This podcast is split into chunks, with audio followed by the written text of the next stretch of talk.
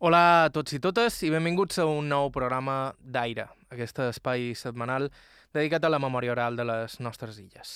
Avui amb un programa protagonitzat per una força de la naturalesa de 89 anys a qui vàrem entrevistar fa res a casa seva al Port del Cudi a Mallorca. Ella es diu Antònia Cànavas i és una d'aquelles persones que semblen no esgotar mai ni l'energia ni els records. De fet, fa pocs anys ha descobert el gust per la fotografia i l'escriptura, dues aficions que combina en la cosa que més li agrada en el món, als seus nets.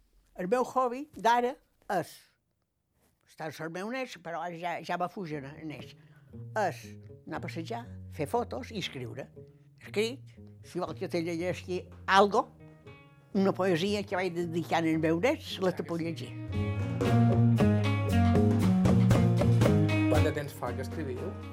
Ah, no, m'ha pegat i en mallorquí i no, sé, no, he, no he estudiat mai català.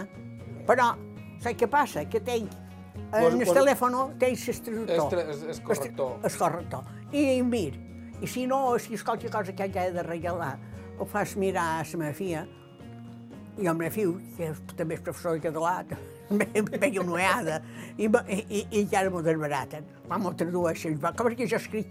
No en català, escric en mallorquí. Pensa que vaig estar entenent en Franco, que no me, va- no me deixaven xerrar en mallorquí dins, dins l'escola, val? Això existeix, existeix, que dins l'escola no podien xerrar en mallorquí, me'ls castigaven. Una dona adorable. Antònia Cànavas va néixer abans de la Guerra Civil a Pollença, filla d'amo que es va passar bona part de la seva vida anant de possessió en possessió, de manera que la seva única filla va conèixer mitja Mallorca. I a més, n'Antònia era una d'aquestes dones vives, que va estudiar i sempre va viure amb intensitat i encara ho fa. Gairebé ni cal que li faci preguntes perquè aquesta dona és un debassall d'anècdotes i records que no atura. Així que avui me sentireu ben poc per aquí. Esteu escoltant Aire a IB3 Ràdio, vos parla Joan Cabot, començam.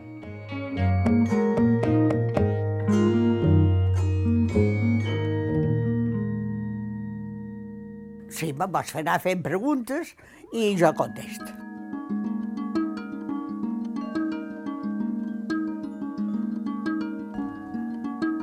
El nom que Antònia Cànoves Benrell i vaig néixer dia 14 de febrer de 1930, a Pollença, a una casa de camp, davall una palmera, dic jo, el meu dir, Sombrull, se deia.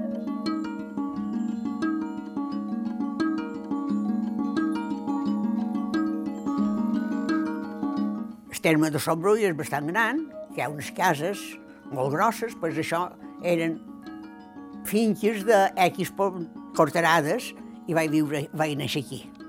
I després d'aquí me'n vaig anar a viure en el Rafal d'Ariant.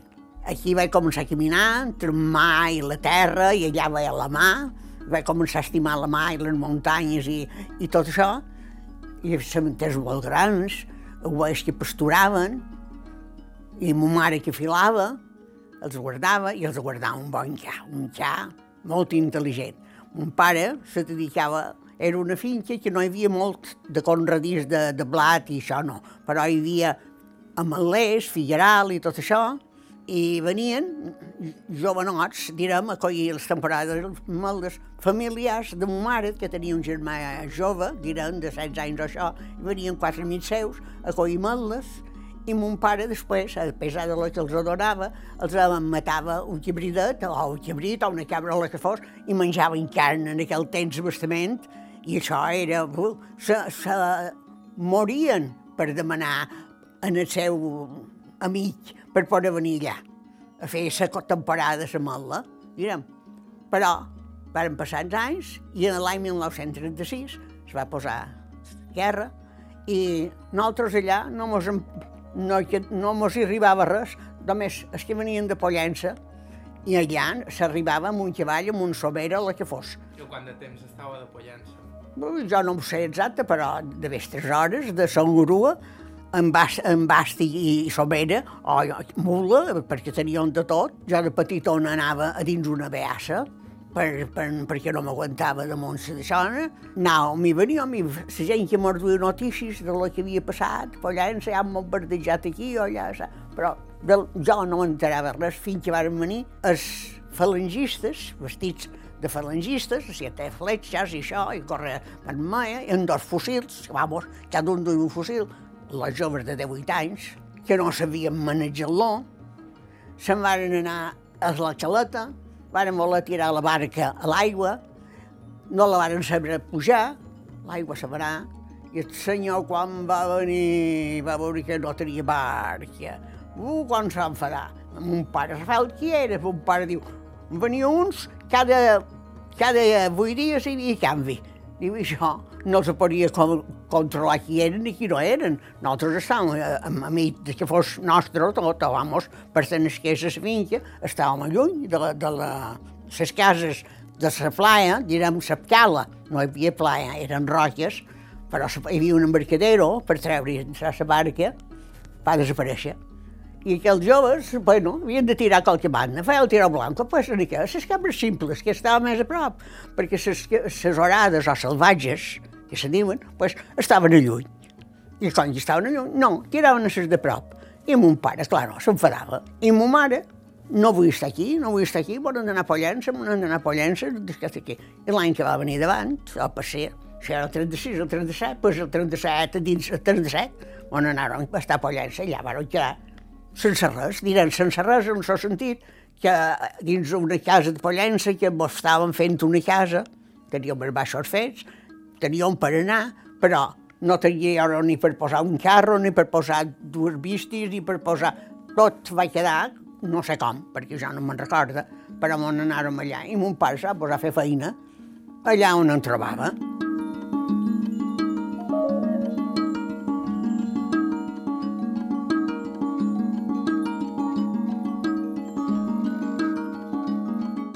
Oh, era pagès, havia d'anar a fer feina per les coses de, de pagesia, però dins molt poc temps on anàrem a estar a l'hora de Sant Bruí, de Majorals, vam entrar, i jo tenia, claro, dins vuit anys, més o menys, havia fet la primera comunió, i jo era una nina més o menys que no havia anat mai a escola. Ma mare m'havia ensenyat a resar, m'havia ensenyat moltes de coses, i jo, jo era molt feliç.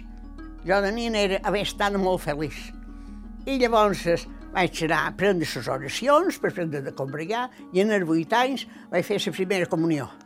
I quan que era fill únic, ja ma mare m'ha voler que fem un vestit blanc. I en aquell temps, quan que era en guerra, n'hi havia de blanques i n'hi havia amb un beberet que combregaven i jo vaig treure molt bones notes de religió i, i claro, ser a la primera fila i va sortir, no sé si era una monja, va dir totes les que van de blanc que passin a darrere. Això me'n recordo beníssim i totes les que anaven blanques no eren poques, n'hi havia, van passar darrere, tant si teníem primers premis com si res, això no. Llavors me'n recordo la foto de la primera comunió i que nostra ma mare va fer un xocolata i la tia va fer una coca grossa d'ou pujats i vàrem a la família, ma mare només té, vamos, una germana i dos germans i es predia la predina. Mon pare no té germans ni germanes, ni pare ni mare, pues eren nosaltres i van quebre, però jo me'n record beníssim que se tia mado aquesta gran colla adornada geranios i varen menjar allà xocolata i això. I de les coses que me regalaren, tenc, record. Una tia em va regalar roba per fer-me un vestit, una de veïnat me va regalar també una passeta, no sé si arribava 80 cèntims, una passeta, dos, dues pessetes, el tio meu va regalar 15 pessetes i 15 pessetes era molt per un fredí, regalar-me. Coses d'aquestes, això va ser molt bon, molt bon records de tot això.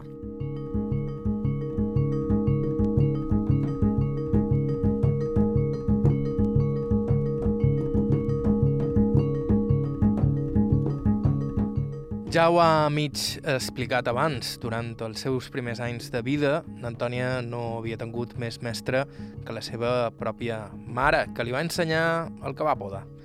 No sabia ni llegir ni escriure, però un cop instal·lats de nou a Pollença, la seva mare va voler que estudiés i ella es va posar al dia molt poc temps, fins i tot destacant en els estudis. Jo vaig anar a escola després, a Vila de Grossa tenia un mestre de l'escola graduada, direm, i va dir, a ma mare, la teva nit, cal les monges només per anar per nostres i, i resar i resar. si el poses a l'escola nacional, l'escola que els tenien de vora, allà la teva nina pujarà. Jo tenia vuit anys i me varen passar a l'escola de que nossa, l'escola graduada. I, clar, tenia vuit anys, però que en tenia quatre. Eren patella. I la mostra me va agafar en carinyo. Hasta tot quan tenia les nines voltant, ja me posava damunt. I més o menys vaig sortir més o menys intel·ligent. Se pot dir intel·ligent perquè me destacava bastant. Els vostres pares vos havien ensenyat a llegir i escriure així mateix? No, no, no. no. Mon, pa, mon mare, mon pare sabia fer un nom amb això. Sabia posar el seu nom, però al cap tenia una calculadora, va? Tenia una calculadora, li ponia dir a tot, pam, pam, pam, pam. Era una calculadora que tenia dins el cap. Això, a vegades me deia, vam, fer aquest compte, Antònia, de multiplicar, i jo, pam, pam, pam, i, i ell ja m'havia dit el resultat, tot, sí. Ma mare sabia, i estat en Buenos Aires, va venir ja gran, i sabia posar el seu nom, i sabia escriure, sabia llegir i escriure, però no correctament. No, no era un. I ma mare volia que jo sabies tot el que ella no, no va poder. Vaig començar i vaig anar a les mestres, aquestes, bastant bé, va anar bastant bé. En els 12 anys no els tenia, van passejar a l'escola superior. I a l'escola superior la mestra era sorda. I no mos enteníem. Perquè darrere te'l portava a estudiar, perquè n'hi havia una darrere que tenia un llibre i te deia la lliçó, i tot el l'any. I tant si ho sabies com tot anava bé. I jo, això no, no m'anava bé. I, I ma mare va dir a l'altra mestra d'antes, va dir, no podria tornar. Diu, no, ara ja ha passat en aquesta, no pot tornar enrere. I va ser l'any que Pollença se va obrir l'acadèmia mercantil. Hi havia l'institut, l'institut jo sempre l'he conegut a Pollença. I va començar l'acadèmia mercantil, que feies com això. I dèiem, i ma mare va apuntar allà. Vaig fer ingrés i primer en un any. Era, era un motoret, és vera. I el mestre estava molt content. Disfrutava. I el meu professor d'allà era professor de l'institut, però d'inglès. I se va empenyar a que jo estudiés anglès. De mecanografia me'n recordo que m'han examinar en les van tapades, una allà, una així tapada, i vaig començar a això, vaig treure un set, això me'n recordo, perquè va ser la nota més baixa que vaig treure, que vaig tenir un disgust. I llavors, de, de que vaig acabar, vaig posar a corte, dos anys de corte. Corte i confessió, tota la roba meva de ma mare ja no em va portar a, a donar mai cap modista. Després vaig posar a brodar. I en les brodadores, la professora era una dona que li agradava molt fer montagisme, o sigui, caminar per aquí i per allà. I varen pensar d'anar sol a peu, el grup de les brodadores d'anar sol a peu. I va dir, mos entrenareu una mica, i anam, a on anam? Però jo vaig anar a Rafal que tot allò és molt guapo, ton pare mos hi pots acompanyar, mon pare, i mos hi acompanyàrem, i nosaltres en aquell temps estàvem a la possessió de Pedrocella, Pedrocella Gran, i hi havia un camí però no de, de carro per pujar a, a, a la Torre d'Ariat. Per no fer tant de camí amb bu, el grup de les meves amigues quedaron aquí, allà, que era el mateix camí. La nostra professora, amb dues amigues seves, varen quedar, i altres alumnes varen quedar a, a la torre, que era un poc més, més allà, a fi de no fugir de Pollença en bicicleta i llavors es posa molts a caminar. Mon pare me'l va acompanyar, que ho sabien això de, de carretilla, tot allò.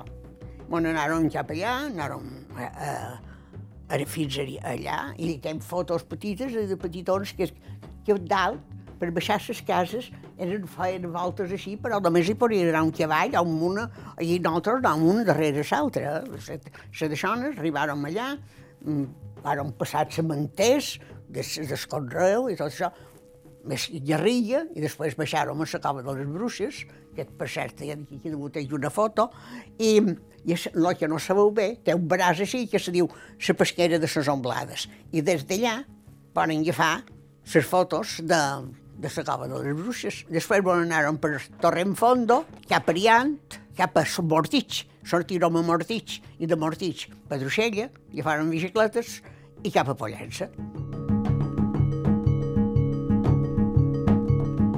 I aquí era la meva joventut molt feliç.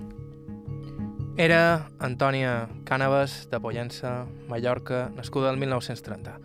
En uns segons continuem amb les seves aventures excursionistes per la Mallorca de la postguerra. Estàu escoltant Aire a IB3 Ràdio. Fem una breu pausa i continuem.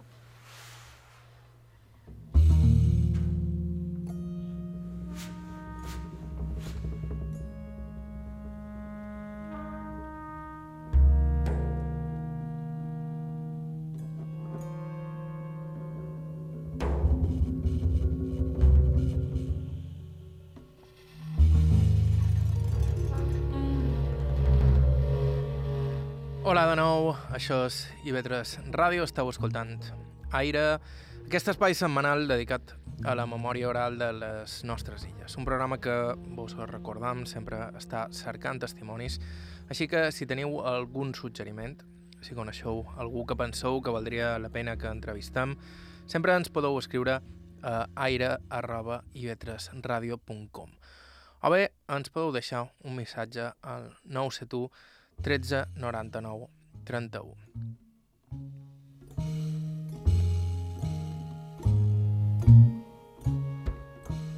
Nosaltres avui estem escoltant l'entrevista que vàrem mantenir amb Antònia Cànavas, filla d'Amo, de Majoral, nascuda a Pollença el 1930, que un cop va instal·lar-se al poble i va posar-se a aprendre a brodar amb les seves companyes de classe, van començar una mena de grup excursionista, aquell era un excursionisme precari, sense la mena d'estris que avui consideraríem indispensables, però elles preuaven més les ganes de passar-ho bé que les botes de muntanya. Quin tipus de sabates duieu? Ah, d'aquestes pardelles, d'aquestes de pita... No, no devien ser No, no, espardelles d'aquestes de pita, amb un mostatxos així quan arribaron, que ja sortien, quan arribaron a Palma, perquè la fèrem a l'excursió, eh? Eh, arribaron a Palma amb un mostatxos així. El primer que vam fer va ser anar a Monses, que res sindicat, comprar per espardelles per. Això va ser el primer.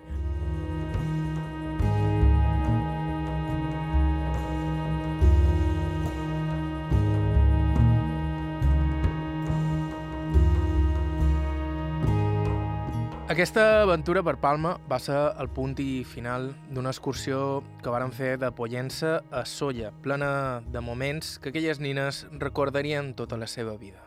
Una excursió que fèrem de, po de Pollença a Solla a peu. Ens entrenàrem primer a anar a Cova les Bruges, i tot això, després anàrem a Solla a peu. Quedàrem a Llull i anàvem ja amb motxilles, el que encara no duem els llars anàvem amb faltes, i, i, però nosaltres ja duem motxilla. I n'hi havia que duien la seranya, i les que ens acompanyaven eren molt. Hi havia una farmacèutica, hi havia la professora d'això, després dues amigues seves, que eren les persones majors, que vos feien de... No, perquè no anàvem enlloc totes soles, tenien de set anys. I diu, no, jo vos vull tenir lluny ben controlades. Vos estireu a dins el quart, vos tancaré, i l'endemà de matí no me, vos fugireu per aquí i per allà, diu, perquè jo ho vull tenir controlades. Bueno, i quan vam anar per anar a besar la Mare Déu, quan que duem calcetinets, ens van dir no, no hi podem anar, perquè no hi poden anar en calcetins, han de dur calces. Eh, allà arrendaven calces i bicicletes, perquè no hi podies anar ni màniga curta ni sense calces. Pensa tu, que jo m'ho volgués posar unes calces. Jo no m'havia duit mai, jo duia calcetins. En havia duit sí, però per vestir, només. I res diu, la professora nostra diu, no, aquesta nina són de molt bona casa, va, diu, aquesta té un tio capellà. A una de la que diu, ai, dona, brau, brau, a besar-lo. Per, per lo que hi havia lluny. Això, eh? Sí, perquè van tenir un tio capellà, totes van per anar a besar la Mare de Déu. Però si sense tio capellà, en, en calcetines no hi podíem anar. Ens havien d'arrendar les monges, unes calces i una jiqueta.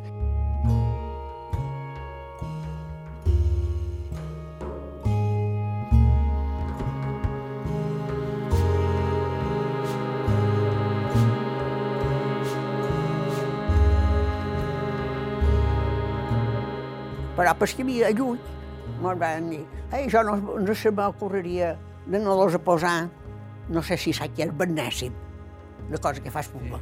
A dins l'orinal, com que no hi havia vàters, eh, hi havia un vàter comú, eren de tothom, i a dins les habitacions tenien un orinal, per si agafaven. I tot el camí hi va haver una dona, que jo la trobava bé, i Ventura tenia 40 anys, i deia, ai, no puc arribar de te duim a la senaia, ai, que costat me fa mal, me podeu dur aquesta... I una estoneta una estoneta l'altra li van haver de dur la senaeta. Bé, per bona sort aquesta pobra dona va anar a l'orinal i vol de la monera, que li va fer la monera. I l'apotecari va mira, diu, aquesta dona té ronyó però dit, cap a Pollença. Ara enviar cap a Pollença. Quan ho van saber, encara parlant d'aquesta. Aquesta és una de les anècdotes que me'n van passar. Que em van passar moltes.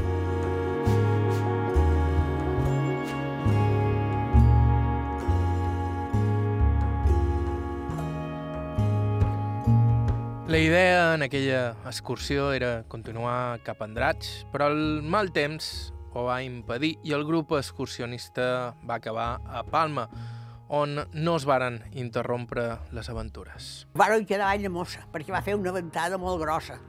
I varen quedar a Vall de Mossa, vàrem anar, llavors ens vàrem anar a Deià. I a Deià hi havia un estrero que pegava dins la carretera, i ens vam anar a menjar vistos, ens vam fer a. I després van dir això aquest grup, perquè van arribar a ser moltes, perquè van venir directe, perquè eren les fires de soja, van venir directe de Pollença eh, a, a les fires, i després veieren a nosaltres cap a, a, a nosaltres. I, i ens van enfoscar, i va dir que aquest grup de joves van a, a servir, a ser cert.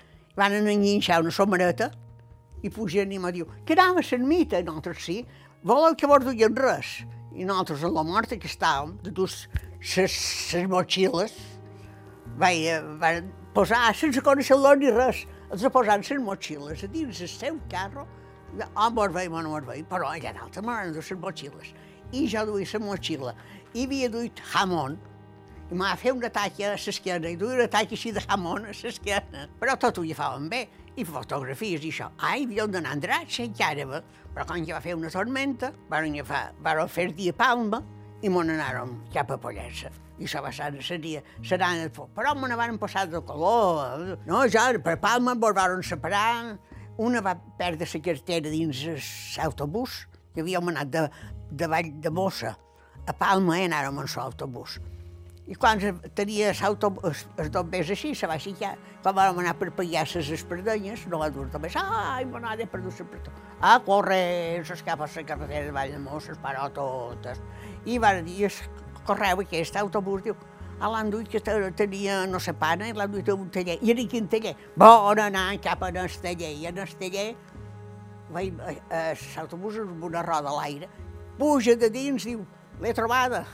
La va trobar. I va dur sort. Va dur sort. I després m'ho anàvem. Vam arribar a Pollença, molt bé, vam arribar bones i sanes, i, i això va ser l'anada de Solla. Això, he contat la més grossa, però ens van passar a tot color bones, però eh, bones, i ho comptam, i encara eh, han passat molts anys i ho recordam.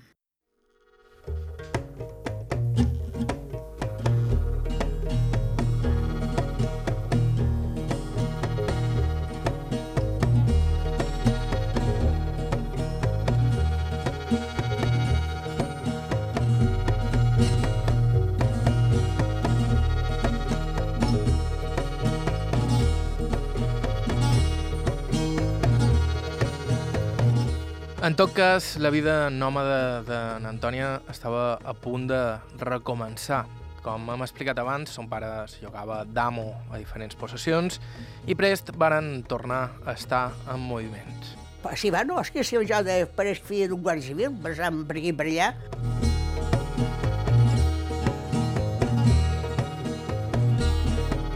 I llavors va dir, ens van dir per anar a Esporles, a una possessió a Esporles que se diu, bueno, la possessió tota era Quianet. Se va dividir en, en, en parcel·les de, de bastantes quarterades, perquè Quianet en si té 4.444 quarterades. La casa dels senyors va quedar en 14 quarterades.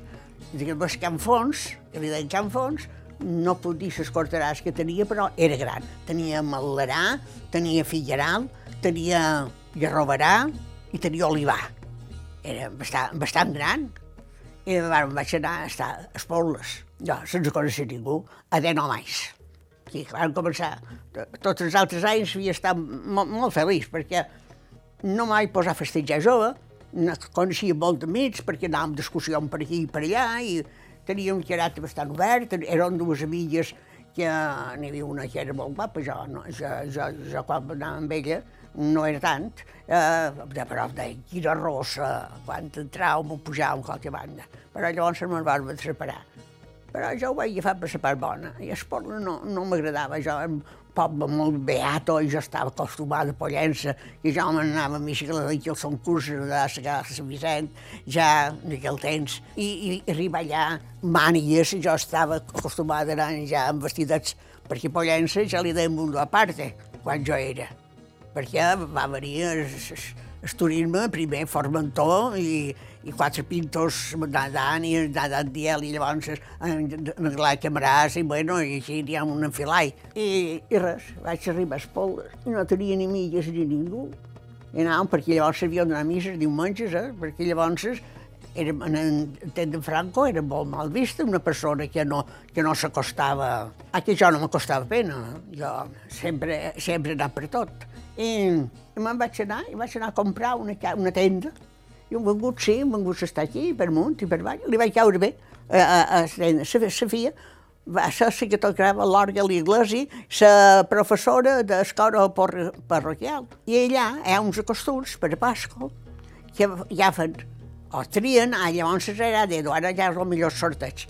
Per això anar vestides de mantilla, acompanyar eh, el primer dia, el dijous sant, el, el bon Jesús, la, la, processó del dijous sant, després el, el divendres sant el, el bon Jesús mort, la processó, un gran processó, vestides de mantilla, amb mantacons i una, una peineta així, i pot pensar, n'Antoni arriba allà externa, que no coneixia ningú, m'ha conèixer tot, totes, totes poldes, se m'ha conèixer. Llavors, mi si em vaig fer de coneguda, tothom me va conèixer. I anaven, era l'estil que el nòvio o un amic els acompanyava a la, a la ventilla i jo vaig sortir de la tenda aquesta, perquè m'ara hi fa com a fia, eh?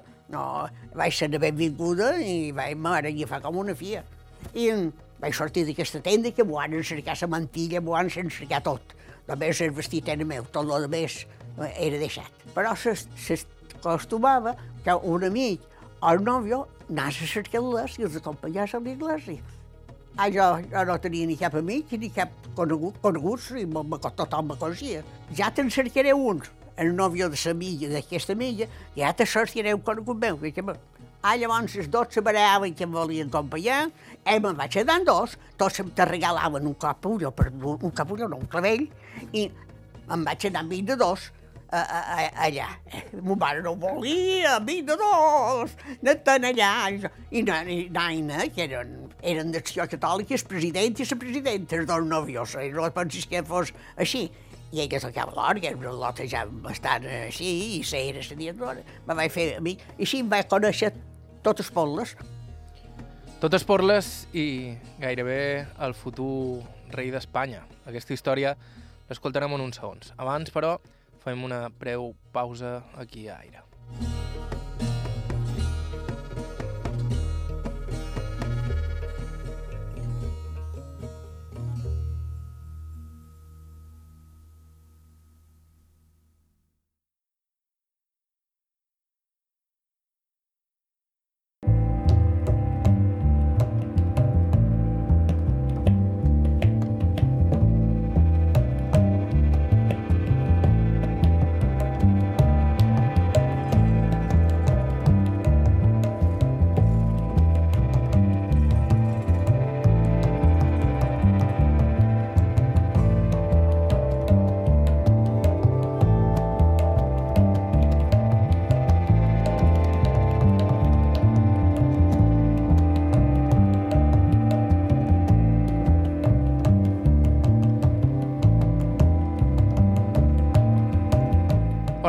Això és Aire, esteu escoltant TV3 Ràdio i nosaltres avui tenim per aquí a Antònia Cànovas, pollencina de 89 anys, a qui vàrem entrevistar fa poc a casa seva al Port d'Alcúdia, un destí més en la vida d'una dona que ha passat per mitja Mallorca, en part degut a la feina de son pare, que es llogava d'amo de possessió. Ens havíem quedat amb els seus primers mesos a la finca de Canet, a Esporles, on Antònia tenia un veïnat de certa categoria, el que seria el futur rei d'Espanya. D'Esporles se va vendre allà on estàvem nosaltres i vam passar a l'altra banda, que era la sort de, de Canet, que li deien, era un tarongerà molt gran, però el tarongerà el duen els, els senyors. I l'altra banda era sort, i sort el duen nosaltres. I, i aquí eh, els senyors eren nobles, i aquí vaig haver d'aprendre de dir vostra mercè i no sé què és allò de no va dir vostra mercè, i va de dir vostra mercè. I jo pareixia que jugava en, en allò que va ni si ni blanc ni negre, perquè jo deia, Antonieta, vaig ser una benvinguda. Allà, sa, sa majorala tenia, era jardí, era de sa majorala. Hi havia unes pomeres i això. Estaronjar, estaronjarà el majoral. I sa sort, mon pare, que era sa mitger, sort. Jo duia comptes a, a mon pare, perquè hi duia comptes, la comptabilitat te la duia jo. Per tot allà on està, la duia jo. I, I aquí vaig saber que el rei Juan Carlos era un nen de 8 anys. Oh, no, de 12 anys. I la senyora Antonieta vol venir, vol coll un parell de pomes d'aquestes més verdoses, perquè no, eh, són per en Juan Carlos. I si arriba a, va rei a Espanya, ho serà ell el 54.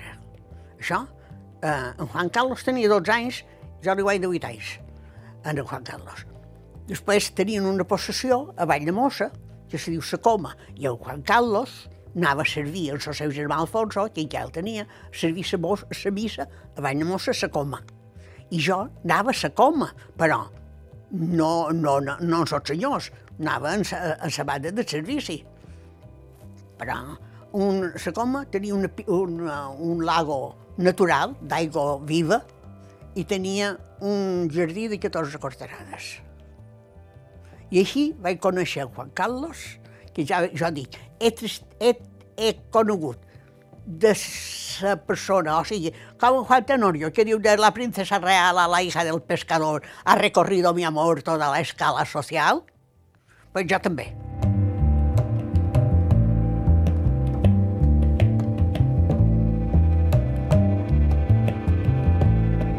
I encara els quedava un destí més a la família Cànavas. Un, de nou, a prop de la costa, encara que aquest cop més aferrat a la capital, Serenal. A sort no mos agradava perquè jo no va ratllar, m'anava malament, per, per tenir els peus en remull, per, per donar la volta així, els genolls. Me vaig, vaig rompre un menisco.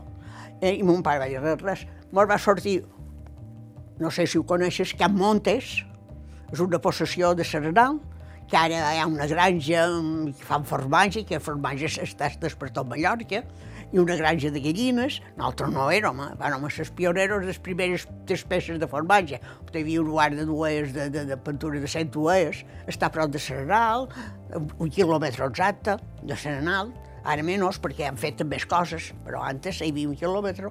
I ja mateix tornar a fer milles noves, mateix allà fent milles noves, i, i bé, de tot d'una varia una amiga meva de Palma, varia una, que era l'estiu, amigues de Pollença i, i que Serenal. I mon pare mm, i mon mare no li costaven res els vespres acompanyar-me els diumenges, eh? Els dissabtes, els diumenges, els estiu més dies, però els diumenges eh, acompanyar-me eh, perquè jo m'estegués a les avilles, després els vespres m'ho tornàvem cap a, cap a casa nostra. I després, quan se jubilaren, m'ho anàvem a estar Pollença que ja havien llevat la casa, havien fet una reforma, havien fet dos pisos a la casa, eh, l'havien fet de dos pisos i ells se van quedar baixos per nosaltres i se va quedar en la somereta per, per anar a una, una finca que tenim de vora el golf. I jo, qualque cosa havia de fer, que me posa a cosir o brodar.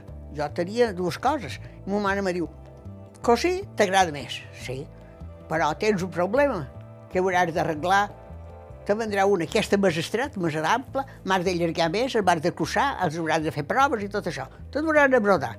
Triaran el dibuix, no els tornaran a veure fins que vendran a cercar-ho. Teniu raó. Com que tenia una amiga i m'ha dit si has de menester una mà, jo te la donaré i tot això. Mai posar a. De tot d'una m'ha costat una mica, però vaig fer clients i me sortia brodat a màquina que, que, que, que ho havien de conèixer bé per, per, per segons quins brodats s'aprecien a màquina o a mà.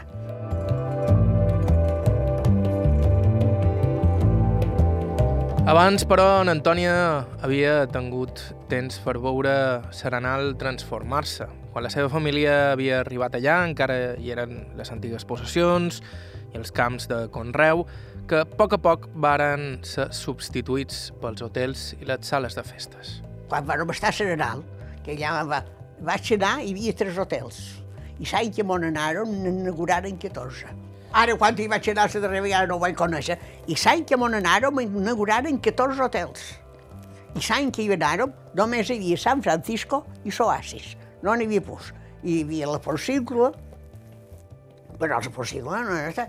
Ja hi havia Soasis, i feia un campet de, de golf, d'això, però minigolf, i això, mos, això m'agradava molt, jugar en això, en el golf, i anàvem, preníem un cafetet, perquè era el més barat, un cafè, i anàvem a jugar a golf. I després ja vam anar als balls de San Francisco, que eren una solada, perquè feien un balls amb una bona orquestra, però amb una il·luminació en totes, que havies d'anar. Però, com que jo sabia cosir i tenia molt d'ull, me n'anava a Palma, mirava les cases de moda. Aquest vestit m'agrada. Com que sabia... No sabia pintar massa, però més o menys els dibuixos el feia, el vestit. Me comprava la roba que ma mare mai em va dir això no t'ho compris, al contrari. Jo no, no, no demanava. I feia un vestit, va, picat en aquell. Tenia vestits molt guapos per anar, podia anar bé a una sala de festes d'així, podíem anar. Sortíem, anar amb ma mare.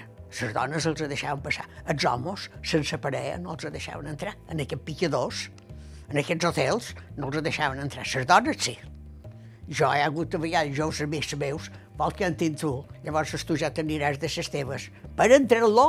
Però llavors vam començar a obrir hotels, hotels i gent, i els llum majorers anaven a berenar a Serenal, com se suposa, perquè Serenal, la meitat de Palma i la meitat està hi ha un torrent que ho xapa, meitat una banda i una meitat a l'altra. I havíem passejat, un altre mos passava, estan en Palma, passava el pont, allà som a Llumajor, i, i així passaven. I Llumajor és l'estil de, del web, anàvem rentant-mos, seu d'això, i feien dos turnos per dormir. Si hi havia de Llumajorers, quan se colgaven s'aixecaven els, els vells, direm els predins, o son pare i sa mare, els joves, eh, quan s'aixecaven, se, se colgaven els joves. Feien dos turnos de dormir, hi havia, hi havia de gent. I llavors va començar a obrir una gentada, a obrir sales de festes, boió, d'una mar, tot aquest d'això jo l'havia vist obrir i tot això.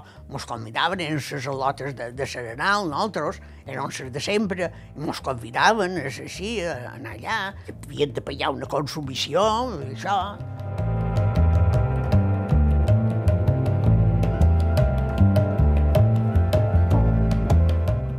El que seria el seu marit ja l'havia conegut a Serenal.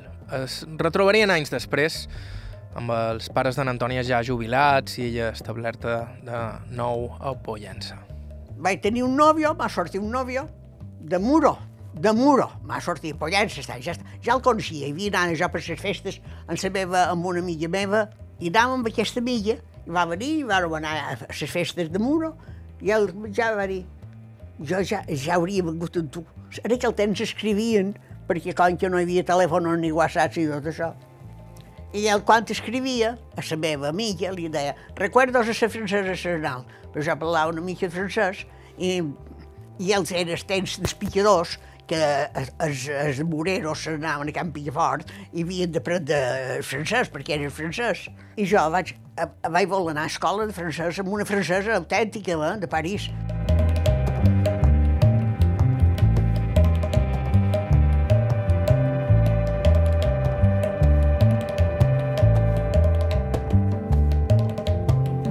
I vaig conèixer el Morero que ja havia conegut, de Serenal, després de 10 anys, el top, ja fas així. I això és molt conegut, era el meu home. I això és el Llorenç Coscons. I, i ell va dir, me deu conèixer. Res, pues va conèixer, va venir a saludar-me, jo li vaig dir, te'n recordes? Sí, sí, se'n va recordar, ell, de Serenal, se'n va recordar i tot això. Ja no ho van deixar i jo ja era ben majoreta, va, i havia passat de coneguts, no és que no hagués tingut pretendents, això no, perquè jo tenia... Eh, la meva vida era més guapa, però jo tenia més, més simpatia, la veritat. Jo tenia més don de gentes, o sigui...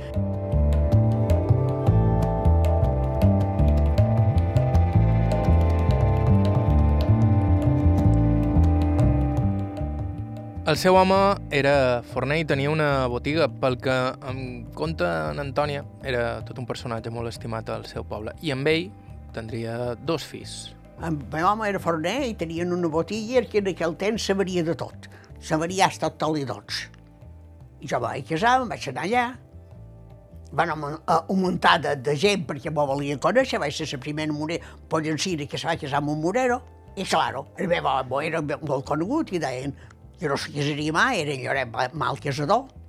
I, i em deien, no, jo, que no vengui casar, no, no, no creuré. I, i, i m'hi vaig casar jo. I el era una persona molt intel·ligent. Llavors, en els, en els nou mesos de tenir el nin, se va posar malalt. Se va posar amb insuficiència cardíaca. I el metge li va dir, o taixes el forn, perquè tenia un forn i botilla, se comunicava tot, però no anava dos carrers. Uh, o deixes el forn, o no tens més que tres, tres mesos de vida? Li va dir. Ja va dir, no, tancaré el forn, ja ho veurem. I ja vam tenir una baixa més d'entrar dos més, perquè mos anava més o menys bé, perquè el forn estava per menjar i la de la botilla se podia ahorrar. I, i el nin tenia nou mesos. Després encara van tenir una, una nina, després de dos anys i mig, però ell estava, se va posar més o menys bé, estava més o menys bé, però metge bo, més que home, perquè no hi havia seguretat social. Llavors, i així van passar de set anys. A lo darrer va arribar en l'any que tires de rodes, de, hi va anar nou mesos. Quan el tenia sondureta el tenia així, lo darrer ja va tenir de tot. Parkinsonisme. Va tenir, bé, l'estima no parlen d'això, però va tenir molta sort. Però jo dic que Déu no ho dona tot, però no ho lleva tot.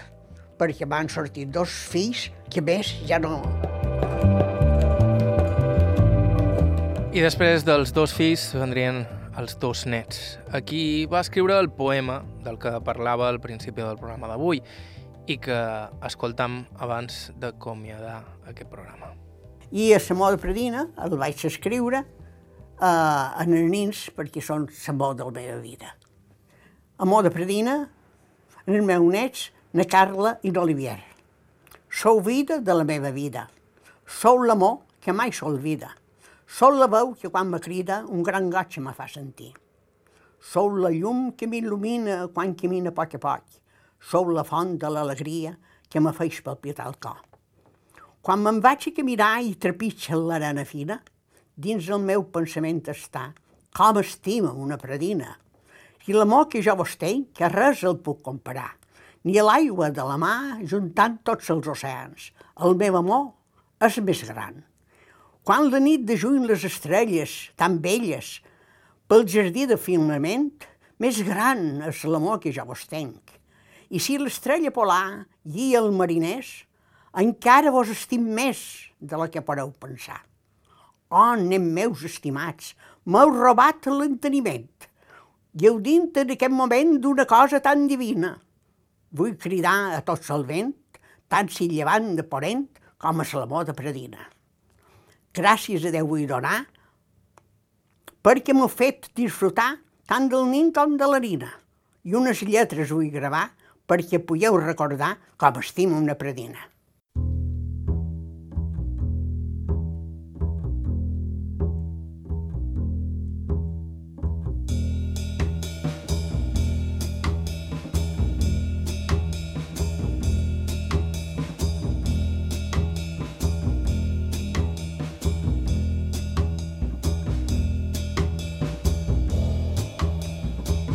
I fins aquí el programa d'avui. Gràcies Antònia Cànavas pel seu temps i gràcies també a Joana Ferragut per posar-nos en contacte amb ella. Us recordam que si ens voleu proposar alguna entrevista ho podeu fer enviant-nos un correu a aire.ivetresradio.com o deixant-nos un missatge al 971 13 99 31. També ens podeu seguir a Facebook i Instagram si vos voleu subscriure al podcast del programa ens trobareu a Apple Podcasts i de més serveis similars. L'arxiu complet del programa el teniu a ivetresalacarta.com, Bàrbara Ferrer a la producció executiva, Iker Hernández a la producció tècnica. Us ha parlat Joan Cabot. Fins la setmana que ve. Thank